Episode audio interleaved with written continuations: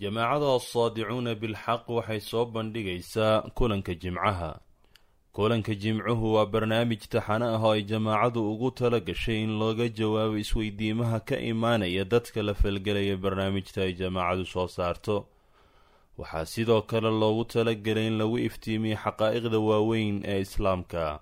Kulanka jimcaha kulankii saddex iyo toddobaatanaad. Bismi illaahi raxmaan iraxiim alxamdu lilaahi rabbi alcaalamiin wasalaatu wasalaamu calaa ashraf almursaliina sayidina muxamedi wacalaa aalihi wasaxbihi ajmaciin amaa bacd assalaamu calaykum waraxmat ullaahi wabarakaatuh ku soo dhowaada walaalayaal xalaqo cusub oo ka mid a xalaqaadkeenii taxanaha kulanka jimcaha waxaanu xalaqadan intii ugu horeysay ka soo hadalnay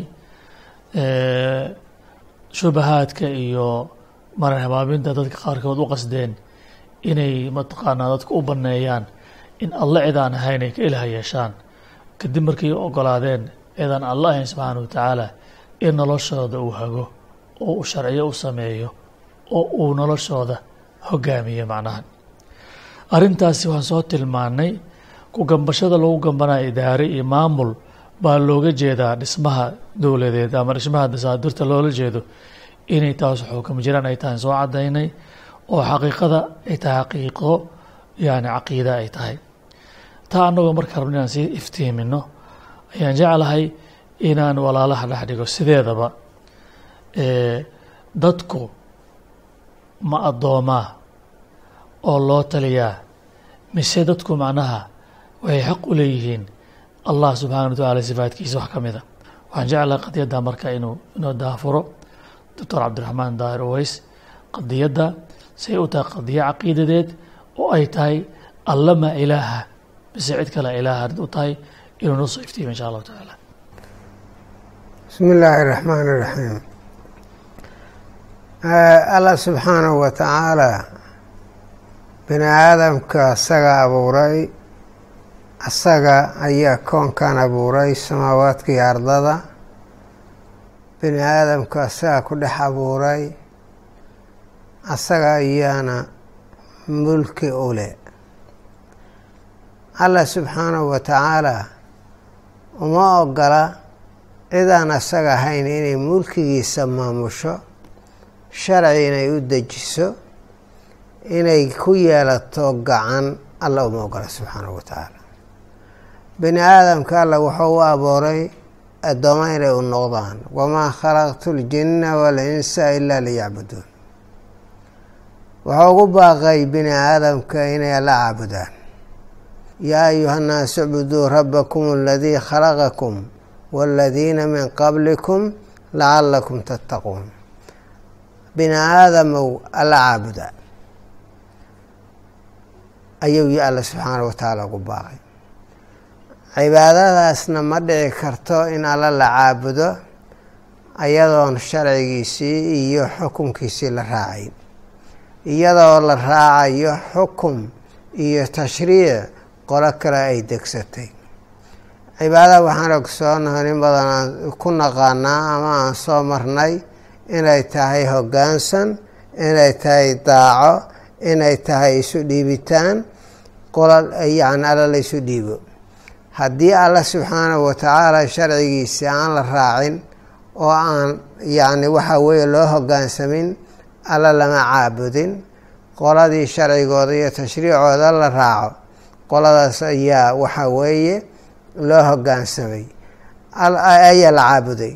Allah wuxuu leeyahay subxaanahu wa tacaala in ilxukmu ila lilah amara an laa tacbuduu ilaa iyaah dalika addiinu اlqayim walaakina akhara annaasi laa yaclamuun xukunku uma ahaanin koonkan la xukumo bini aadamka la xukumo noloshiisa la xukumo adduunka la xukumo aakhara la xukumo ilaa lilah allah ayaa u sugnaaday allahna wuxuu amray inaad caabudaan. Cibaadada idiin abuuray inaad caabudaan oo allah subxaanahu wa tacaala ayuu amray. Cibaadadaasina waxay noqonaysaa nolosha oo dhan allah in loo hogaamiyo allah in loo khuduuciyo allah in loo dhiibo subxaanahu wa tacaala oo xukunkiisa la raaco sharcigiisa la raaco.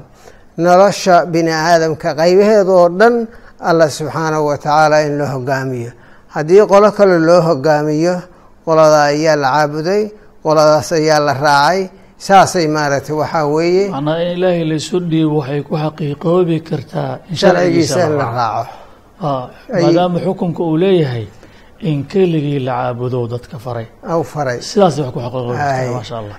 Wamaa kaana limuminin walaa muminatin idaa qada allahu warasuuluhu amran an yakuuna lahum alkhiyaratu min amrihim saasaa alla leeyahay subxaanahu wa tacaala haddiiba alla wax xukumo rasuulkiisa oo wax xukumo xukun iyo tawj u kala bixiyo oo uu maaragtay waxaa weeye dadkii u sheego xaq umale inay doortaan oo yidhaahdaan ma sharciga ilaahay aan qaadanaa mise ma qaadano arrintaa wax u furan ma aha way dhihi karaan alla subxaanahu wa tacaala caabudi maynee cid kalean caabudaynaa waxaana ku caabudaynaa dastoorkii ay degsadeen sharcigii ay degsadeen oo noo soo gudbiyeen oo inooga dalbeen inaan ku raacno. Saas waa dhihi karaan adduunka intii joog ilaahay ma rabno way dhihi karaan waxiina idin laa yakuunuuna laa muslimiin. yakuunuuna muslimiin. Ah, muminiin insha ma noqon karaan.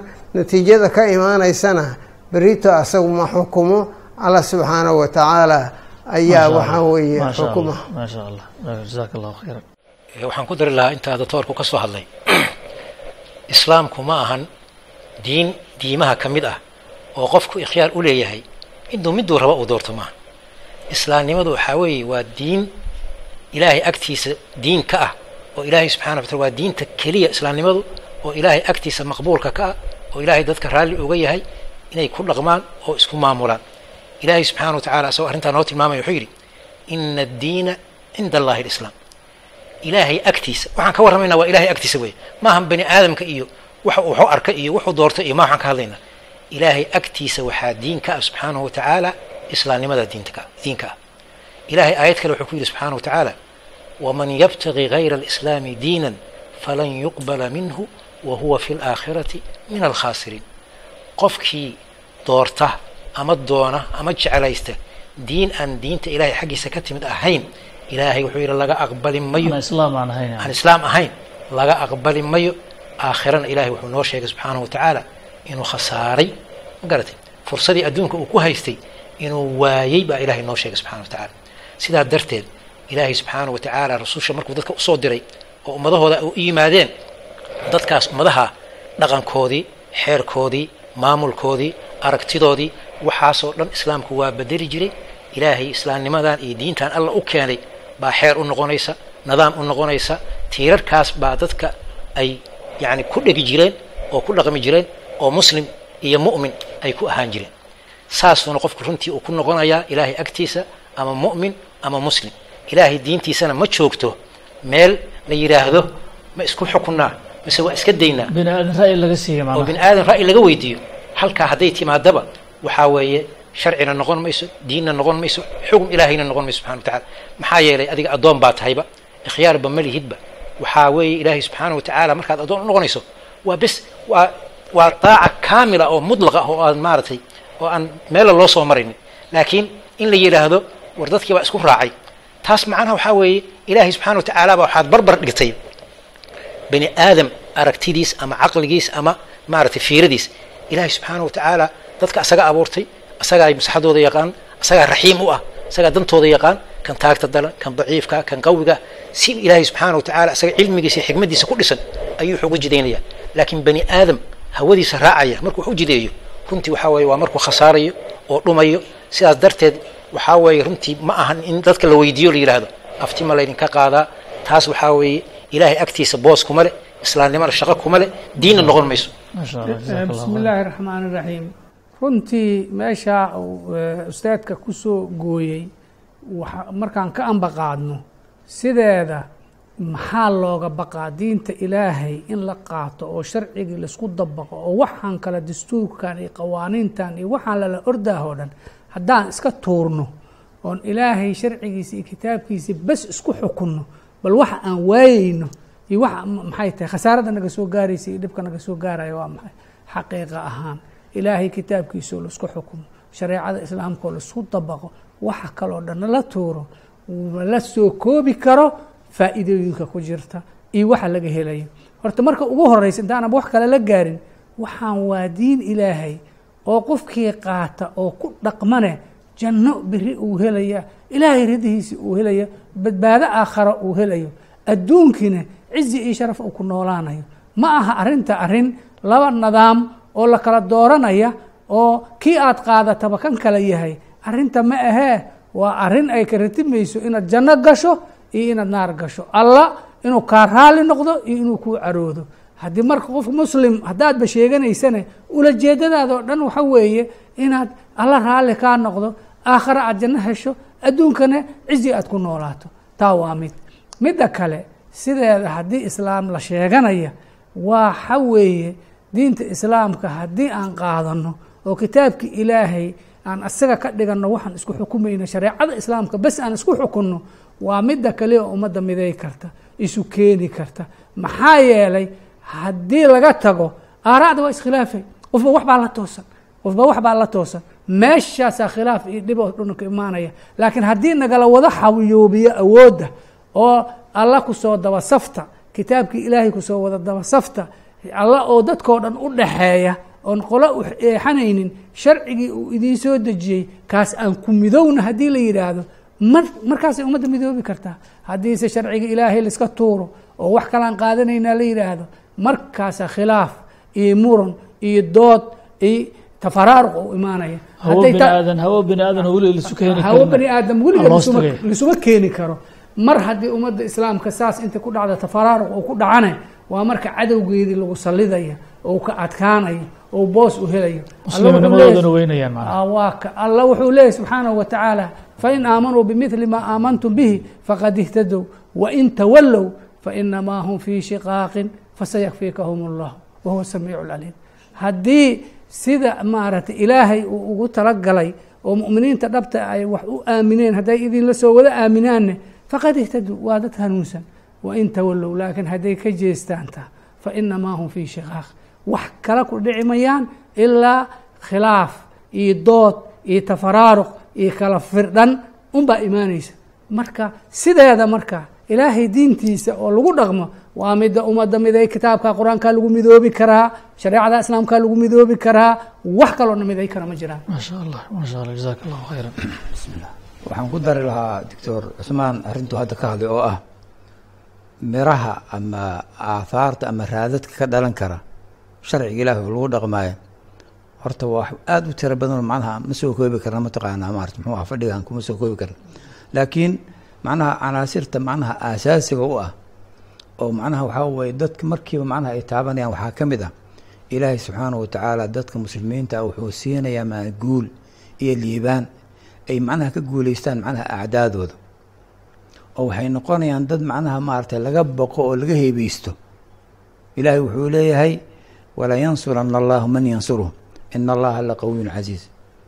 Kuwa ilahay u gargaaray waa kuwa aladiina in makannaahum fi lard aqaamuu asalaa wa aatow azakaat wa amaruu bilmacruuf wanahuu can ilmunkar walilahi caaqatu macnaha sifaadkaas iyo tilmaamahaas bay leeyihiin dadka ilaahay subxaanahu wa u gargaarayo.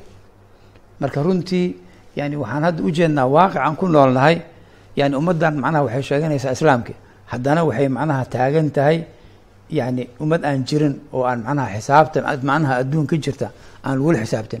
Waxaana ugu wacan diintii ilaahay ay ka tageen wey inkastoo ay sheeganayaan laakiin waa sheegasho oo macnaha baatila wey sidaa daraaddeed bu wuxuu leeyay nin macnaha saxaabi ah oo abu darda radia allahu canhu markay muslimiinta furteen muxuu ahaa qubrus ayaa macnaha macnaha waxaa nin baa arkay isagoo abu darda oynayo markaasuu yihi macnaha abu dardaabo maxaad la oynaysaa maanta waa maalin ilaahay muslimiinta u guursiiye ma maanta oo kalea la ooyaa? Waa maalin farxade markaasuu wuxuu yihi nimankan iyaga aan ka guuleysanay yani macnaha ayaan aniga la booyayaa maa ahwana alkhalqa cala allahi idaa tarakuu amrahu.